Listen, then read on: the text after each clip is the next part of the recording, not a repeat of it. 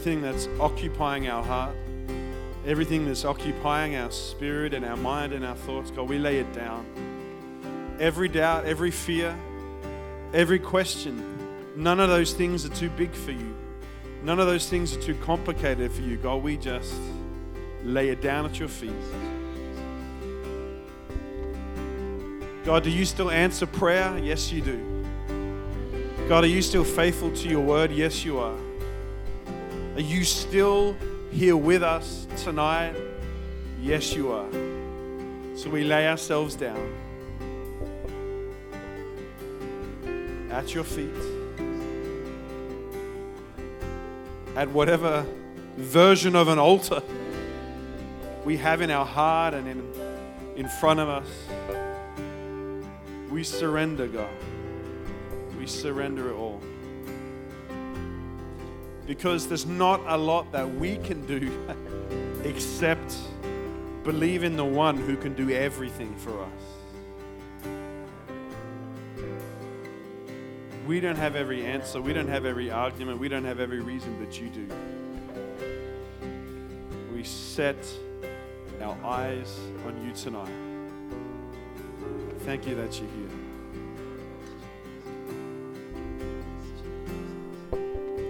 Wonderful name. What a wonderful name.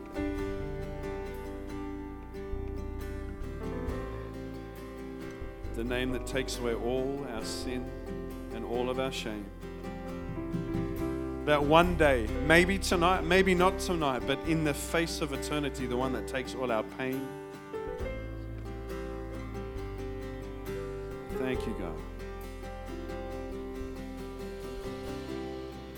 Amen. We could keep going, I'm sure. but um, maybe we can do that afterwards. Hey, let's give it up for the worship team for, yeah, like really. Thanks, guys, for coming in and preparing a place for us to worship God and to enjoy His presence. And I hope you guys are having a good evening so far. Thank you to Chef Viftrup for cooking up a, uh, a delicious feast. Who is here? Let's give it up for our cooking pastor, Jacob. Is there anything that man cannot do? Uh, dance. Can you dance? Oh, you can dance. Okay, all right. We'll find, we'll find something. Maybe be young. He can't do that anymore. Ooh, sorry. Sorry, that was disrespectful. Please forgive me for that, Lord. Anyway, tonight um, I'm going to start something that we've never tried at the evening service before. Well, maybe we have and we haven't told you, but officially, out in public, um, out in the open, tonight I want to start a little bit of a series with you, if that's okay. I mean, who loves who who loves watching Netflix? No one. Okay, fine. Okay. Is, is everyone else like Viaplay kind of people or no? All right. There's enough. Okay, so we can get away with having a series. I don't know if this will be as good as Netflix, but if Jesus is in it, anything's possible. But um, I want to share something that's not so philosophical tonight, but really practical because uh, we can spend our whole life philosophizing, I think that's the way you say that, about what means what and what we can believe about this. But I really want to dig into some practicalities which I believe could help us as believers and help us live in a way that Jesus um, can live through us. And hopefully it's a bit hands on, but I got two passages of scripture that I want to read and stick with me because there are a couple of verses. But let's look at Matthew chapter 3, verses 13 to 17. And this is the baptism of Jesus. Whew, yeah, this is pinpoint uh, key moment things here. Actually, there's a lot in the Bible, but anyway. It says this Jesus went from Galilee to the Jordan River to be baptized by John. But John tried talking him out of it. I'm the one who needs to be baptized by you, he said. So why are you coming to me? But Jesus said, It should be done, for we must carry out all that God requires. So John agreed to baptize him. After his baptism, as Jesus came up out of the water, the heavens were opened, and he saw the Spirit of God descending like a dove on him uh, and settling on him. and a voice from heaven said, This is my dearly loved Son who brings me great joy. The next passage of scripture is from Acts chapter 10, verses 38 to 45. And this is the moment where Peter, the Apostle Peter, is preaching the gospel sort of like intentionally for the first time ever to the Gentiles. So it's a special moment. And he's, he's preaching to the house of Cornelius. And um, in verse 38, it says, And you know that God anointed Jesus of Nazareth with the Holy Spirit and with power. Then Jesus went around doing good and healing all who were oppressed by the devil, for God was with him. And we apostles are witnesses to all he did throughout Judea, in, uh, in Judea and in Jerusalem. They put him to death by hanging on a cross, but raised him to life on the third day. Then God allowed him to appear, not to the general public, but to us whom God had chosen in advance to be his witnesses. We were those who ate and drank with him after he rose from the dead, and he ordered us to preach everywhere and to testify that Jesus is the one appointed by God to be the judge of all, the living and the dead. He is the one all the prophets testified about, saying that everyone believes in him will have their sins forgiven through his name. Even as Peter was saying these things, the Holy Spirit fell upon all who were listening to this message. The Jewish believers who came with Peter were amazed at the gift of the Holy Spirit that had been poured out the, on the Gentiles too. You guys still with me? Good, let's pray.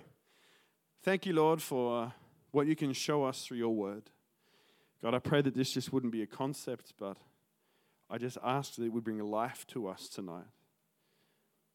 Whenever you're here, whenever you're in the room, there is potential for significant impact on people's destinies. That's what we ask for tonight. That you would leave an indelible mark on our heart, on our soul, and our spirit. We pray in Jesus' name.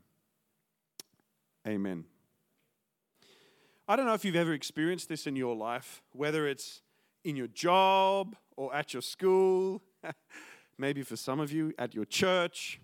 But, uh, you know, when you've had like a boss or a leader or an influential person, then all of a sudden they have to leave and then the new guy comes in. Have you ever been in that situation? No, just one?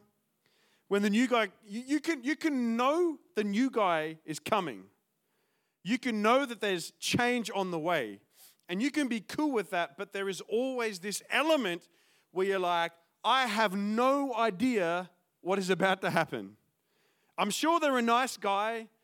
I've heard about them. I know they're coming, but I'm a little bit afraid at how they're going to roll. What are they going to do? Am I going to get fired? Am I going to get shifted sideways? Am I going to lose my job? And this is uh, kind of how the Jews felt about Jesus when he turned up. I mean, I can relate. Two years ago, Arsenal Football Club got a new manager called, okay, I, I won't go there. I go to the sport every time. I won't, I, I, if you don't know me, guys, I'm sorry. I always end up preaching on sport. So, anyway, I'll tell another story. When I was in my, you know, sort of pre teen years or early teen years, and this is really showing my age, I used to, uh, at night time after dinner, go into my, my room and pretend to do homework. You know, my parents would send me to my room to do homework. But really, what I was doing is I was just listening to the radio. no, no one listens to the radio anymore. But uh, I was this, the same every night. I'd be pretending to do my homework, but I'd be listening to the same radio show, and it was on this uh, Christian radio station called 96.5. And it was like this you know, it's called Night Alive. And for the and for years, I listened to this guy called Liam Renton who had this program. I had my favorite segments while I was doing homework. And then one day he decided to leave, and then the new guy came. And I was like, well, that's all well and good, but what is this guy's intention with my radio program? Is he going to play my favorite songs? Is he going to keep the same segments? Am I going to like him? And anyway, he came and my life was changed for the worse. I didn't like the new guy. But anyway, that's kind of how, uh, no, he, he was all right. He was fine. But this is a little bit how the Jews might have felt about Jesus. They were, they were waiting for the Messiah. They were hanging around waiting for this guy that had been prophesied about. Now, they didn't have a whole lot of information. Like they knew he was coming. They kind of got the, the, the general concept of what he would achieve, but they never knew how he was going to go about it. He was called the Messiah, the anointed one. That's what they knew. Who's this dude going to be? I don't know. He's just going to be the, the, anointed one. That's what Messiah means. It uh, derives from a, a cool name that sounds like a karate move. Mashiach means the oil. Anyway, I just like that word. Mashiach. Or maybe a bit like Mufasa. You know, it kind of invokes this. So anyway, it doesn't matter. It's actually what Christ means. You know, Jesus Christ. Christ isn't Jesus' last name. Christ just means the anointed one. So it's kind of funny when he shows up in our life, we know he's significant, but we don't know what he's going to do. You know, it's kind of how we feel. It's definitely how they, they felt back then. They had certain expectations, like the, Jew, the Jews at that time believed that their Messiah would come and physically rebuild their temple. That's not what he did. You know, they knew he would come from the line of David, so they thought, you know, if he was the anointed one, he'd be anointed and called out like David, and he'd be this mighty king, a warring king, and he would rule and reign the Jews, and everything would be fine. Or, you know, maybe some of them expected that he'd be this political figure. But as it turns out, Jesus didn't really go about things the way that they expected him to. He kind of had his own vibe going on. They might have expected him to be a warring king, but he came and preached peace. They thought he might have rode into town on a horse and chariot, but he came in riding a donkey. Rather than being served and celebrated, he washed other people's feet. he even got angry in his own temple. Did not expect that. And for some people, what's even worse, rather than affirming the people who were already of high religious importance, he went into battle against them. He challenged the existing institution rather than affirming them or inviting them into the VIP, the VIP club like they were always used to. He came and showed them that there was a different way of doing things. Just as a side note, I kind of take a challenge out of this because I've, I've noticed that new things in the kingdom of God will often provoke religious spirits. New things often will pro- provoke religious spirits. I keep this my heart in check when, when God's doing something new or something, something new happens, and if it provokes me a little bit, I have to go, okay, wait, is it just because I'm holding on to my preset values and the little things that I like? I remember I was preaching at a youth rally once. Well, youth rally is a generous term. I was invited to preach at a youth event many years ago in Australia. I turned up and there was like four people there, four teenagers there. And there was this band band on stage and the sound guy had it so loud. I was like, I'm, I'm the guest speaker, and I walk down the back. I'm like, dude, why have you got this so loud? And he's like, I turn it up loud so I can drive out the religious spirits. And I'm like, you're driving out people with ears, you idiot.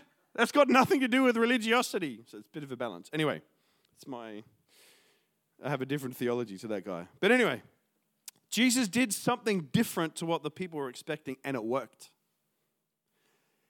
And what he instituted is the thing that works for us today. The life that Jesus lived and the way he went about things, I believe, are the very things that we do today. And we are the continuation of his work. You see, the challenge of following Jesus is never really about why. That's easy to understand. But we always get stuck in the details of how. How do I do this? And so, the title of my message or series, or maybe it might not live past one message, we'll see, um, is called The Messiah's Method. The Messiah's Method. Somebody say Messiah's Method. Messiah's method. Good, just checking you're still here. All right. There are endless sermons uh, that you could talk about the nature of Jesus, the values of Jesus, the principles of Jesus. But I want to get a little bit practical. Why? Because methods are things that we can put into place in our life. They're things that we can replicate. They're things that we can do on a principled basis. And from what I can see about how Jesus lived his life, his method was very simple but very effective. Are you ready for it? The Messiah's methods. This is what Jesus did. he received, he carried, and he imparted. If you don't know what the word imparted means, it means transferred or handed to. Jesus received, he carried, and he imparted. And I've paralleled these two stories between the baptism of Jesus and the moment where Peter took the gospel and the Holy Spirit to the Gentiles because I can see the same two things at work. And let's look at the first step here in the Messiah's methods. What he did, first and foremost, Jesus did when he came to earth, is that he received. What is the definition of receiving? To receive means to be given, presented with, or paid. That's one definition of receiving. To be given, presented, or paid. And the other definition in English is to suffer, experience, or be subject with. Those sound like words that are pretty synonymous to Jesus, I think. That's Jesus right there. Receiving. Why do we receive? Why is receiving so important? Why do we need to understand this principle of receiving? Because sometimes, as believers and as humans, we have this tendency just to dive into things all by ourselves. I think I can work that out. No, I reckon I'm smart enough for that. I'm just going to try this. Sometimes, I don't know if you do that. I do that. I, I actually catch myself doing it as a, as a pastor, as a preacher sometimes. Oh, I know what to preach on. Oh, I know what to do. Well, actually, often I don't. I have to wait and find out what is it that God is giving me to pass on to somebody else.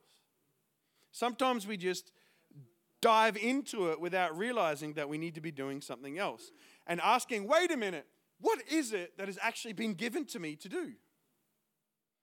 Why is this important. See, the, the mission and calling that Jesus had and Peter had were both given to them. For two reasons, that's important. The first thing is because what you were given is not your design or agenda, it's God's design and agenda. And secondly, God always wants to be our source of dependency. That's why it's important to learn how to receive. Because it's God's agenda, God's design, God's glory, and He wants to be our source of dependency. When we looked at these key texts, Jesus was Jesus received a public ministry calling and he received the Holy Spirit at the time of baptism. But Peter, as a disciple, he was called out while he was fishing with his brother Andrew. In my notes, I accidentally wrote Amanda. That's his brother Amanda. Sorry. Anyway, sidetrack. He got taught by Jesus. He was discipled. He received the Holy Spirit and he got sent out. Two very similar occurrences. Jesus shows us that our first place of positioning should be a posture of receiving. He's a servant leader with a posture of receiving. A dictator or utilitarian leader or an independent spirited person doesn't receive their purpose, they take their purpose, often at the expense of other people's freedom. No humility and no intention of following anyone else's agenda. They don't want to show weakness or relying on anyone else. But the Bible says, actually, that when we are weak, He is strong. It's actually only in our weakness that God's power is perfected. That's the way of the kingdom. Jesus taught us that even he had a source of purpose and strength that came from God the Father. In Matthew 28, when he sent out his disciples, he reminded them in uh, verse 18, he says, I have been given all authority in heaven and earth. Therefore, you go and make disciples. Jesus could only give it away because he was given it. Jesus could only give away authority because he was given it, or because, sorry, or he was given it so that he could give it away. Jesus was given authority so that he could give it away. And lately I've been wondering if this is where we might have been mixed up in Western church world. Maybe we've been mixing receiving up with a totally different concept, and receiving has been confused with consuming. Maybe receiving has been confused with consuming. This is the definition of consumerism the protection and promotion of the interests of the consumer. That's the definition of consumerism. Ah, I want life this way. I want church this way. I want things to be like this. I don't like it when they do this. I don't like being with this person. What about me and what I think?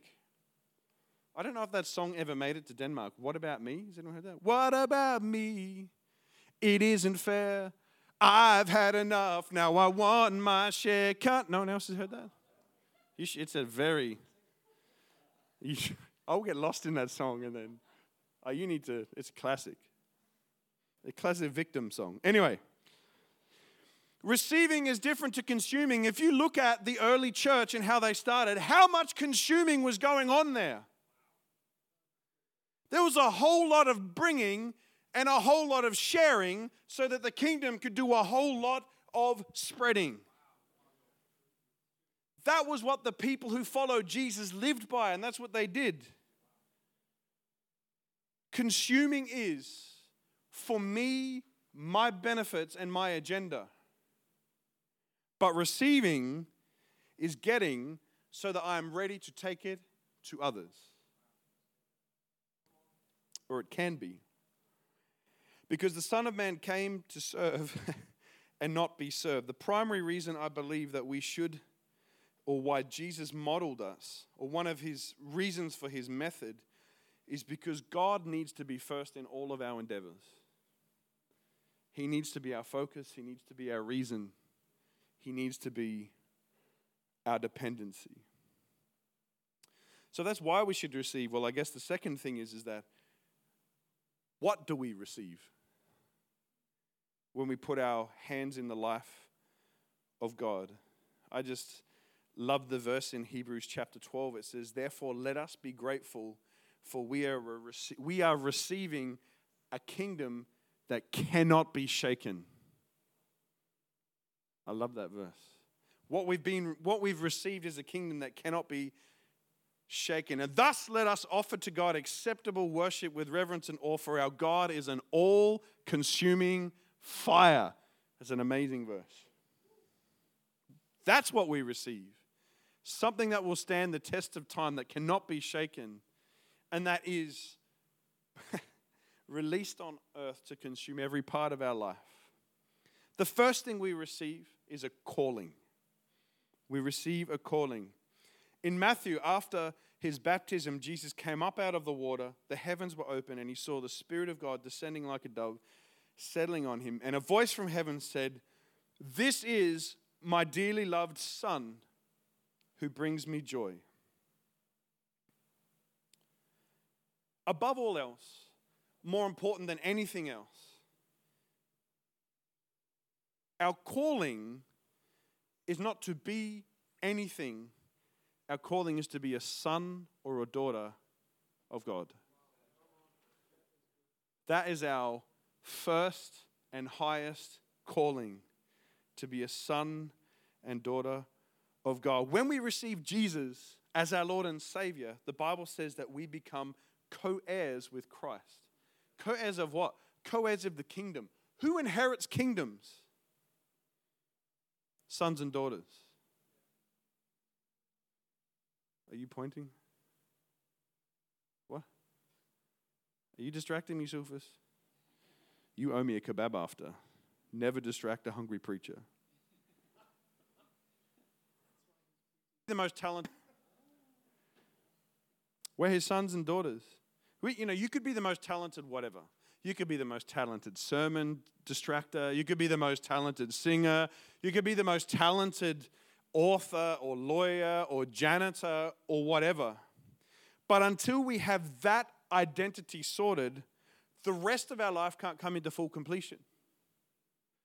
We could have a hunch at what we're good at, we could have a hunch at what we're called to do. But unless we have that primary calling sorted, nothing else will come into full completion in our life. I don't know if I've told this story before, but um, for me, being a, a, youth pastor in Australia, I always I, I counted a, I was it was a humbling privilege because like my, my senior pastor at the time was kind of like one of the original gangsters of youth ministry in Australia. Had a reputation and did all this stuff, built Youth Alive and all of these things. And for me, I was kind of like, well, why did they pick me? And I was always trying to impress all the time. And um, I, th- I thought my crowning achievement came when one day he walked up to me and said, Joel, you know, I've been thinking, you know, I, I, I want to personally mentor you for 12 months. I was like, yes, this is awesome. Because even though it was funny because I was like a pastor and I was on staff and I don't know, I guess we were a church of a few thousand people, but I was like, yeah, he wants to personally mentor me. This is awesome. And first coffee, we sit down. I, the coffee had not even hit the table. And he uttered these words Joel, what I want to talk to you is about how insecure you are. What? Insecure? Me? I'm not, what do, you, what do you mean insecure? And just listed off this catalog of things that he saw and observed. And I realized, wait a minute. A lot of these things I've been doing, I've been trying to impress people. See, sure, you know, I'd found, okay, yeah, Joe, you're going to be a youth pastor, you're going to be a preacher, you're going to do all of these things. But I still hadn't reconciled in me my first and primary calling. Regardless of anything that I can offer God, the first thing that I need to do, the first thing that I need to come to terms with, is that I am His Son. And He is pleased with me. What do we receive Jesus? What do we receive when we receive Jesus? We receive calling, which settles our identity, our assurance, and lays the foundation for our purpose in life.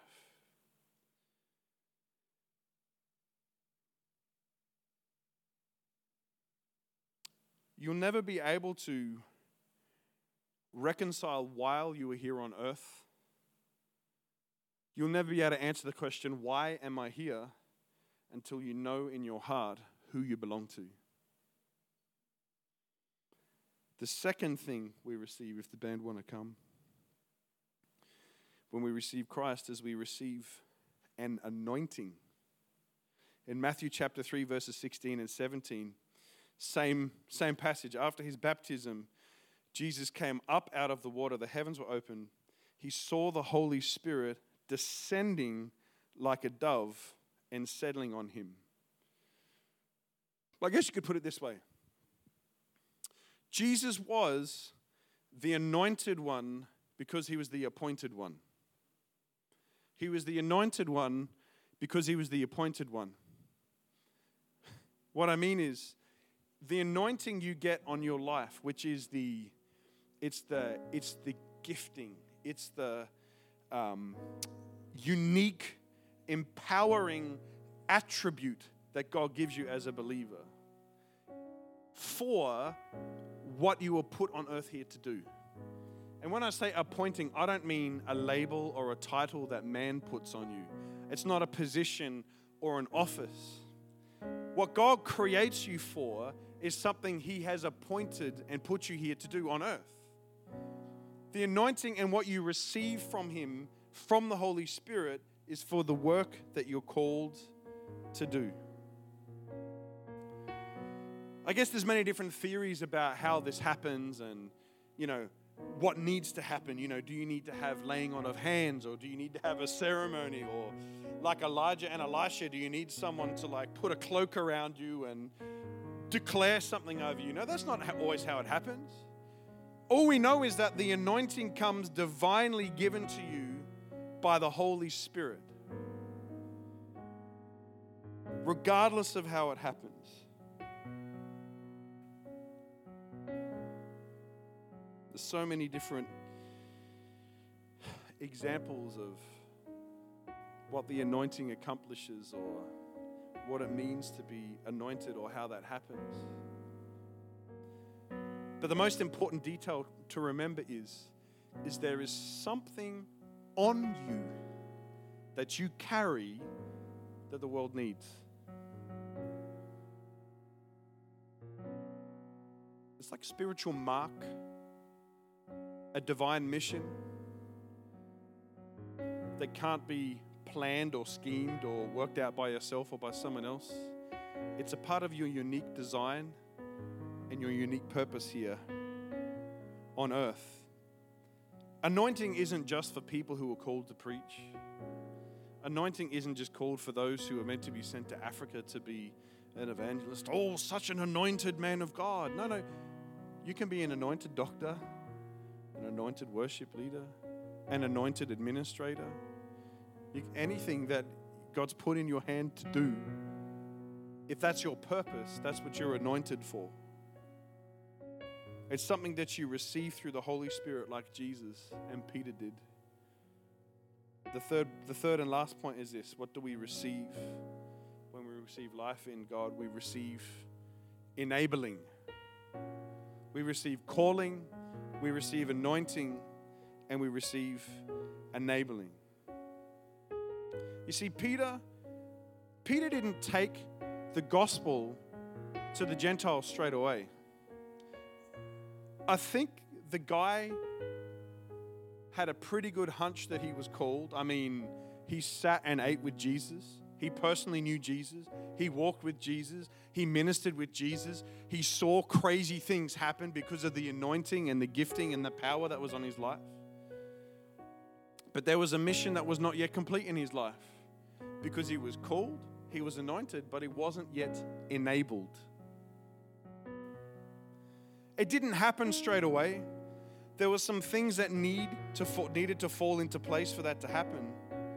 Maybe not least it was his mentality about what he thought about the Gentiles.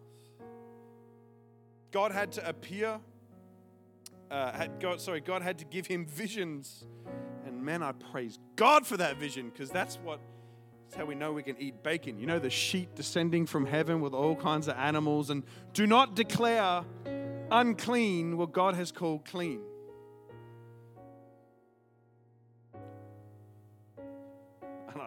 Sorry, I brought up the B word. I'm lost forever now. Bacon. But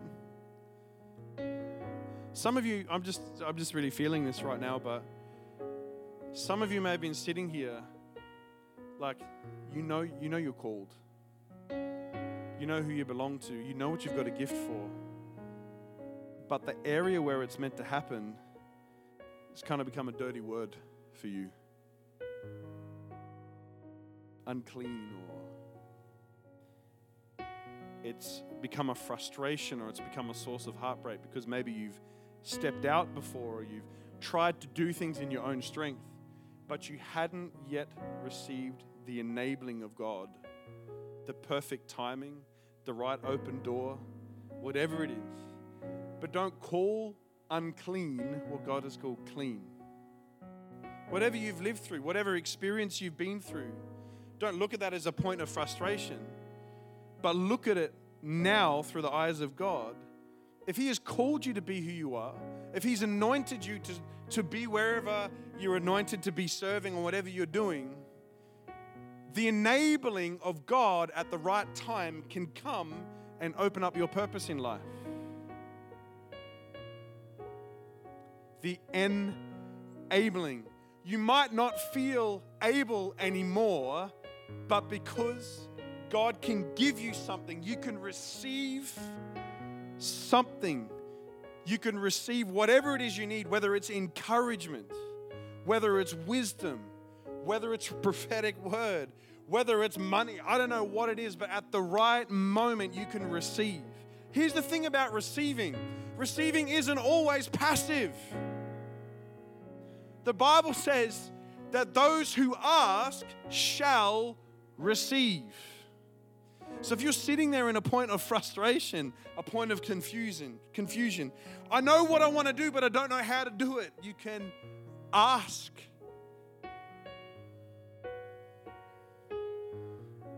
Those who ask for anything in my name shall receive. If it was good enough for Jesus, it's good enough for me. That the creator of the universe came and role modeled first and foremost what we should do is to place our life under the Godship of the Father, to place our life in the strength and the wisdom of God, under the dependency of God, to get the assurance of our calling, of our identity, to get the assurance that it is His gift and His design at work in us that makes us effective, but to wait for the enabling moment and the enabling touch of God to come alive in our life.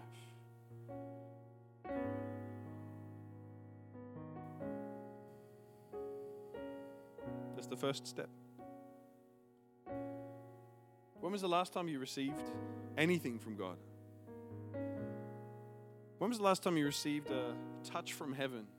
When was the last time you, you just heard the voice of God? Or when was the last time you even asked? There's no shame in asking. God, give me what it is I need today. God, help me understand how I can see myself as your son. Not as a performer, not as an actor, not as someone who has to impress you by what I do and how holy I try and be. But today, God, I receive your grace and your mercy and any, anything else I need to be the person you've called me to be. Can we pray tonight?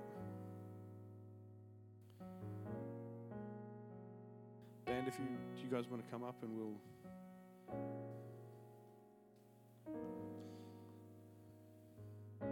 There's a few things to digest there, I know, but the band's just going to play. Um, they're going to play worship song. I'm going to worship together. But if you need prayer, tonight in any of those categories, if you're not sure about your identity, am I really? Is it can I really be a son or a daughter of God?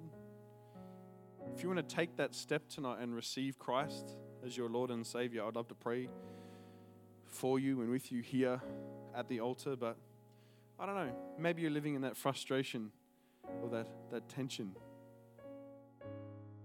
Ah, I know what I'm meant to do. I've got an idea of what I'm called to do. But God, I need your enabling today. Whatever it is. The altar's going to be open, and in a corona safe way, I'd love to pray for you while we worship. And let's see what God does tonight. Amen. Benjamin's going to lead us by himself in worship. Maybe Kenneth Degger's going to sing.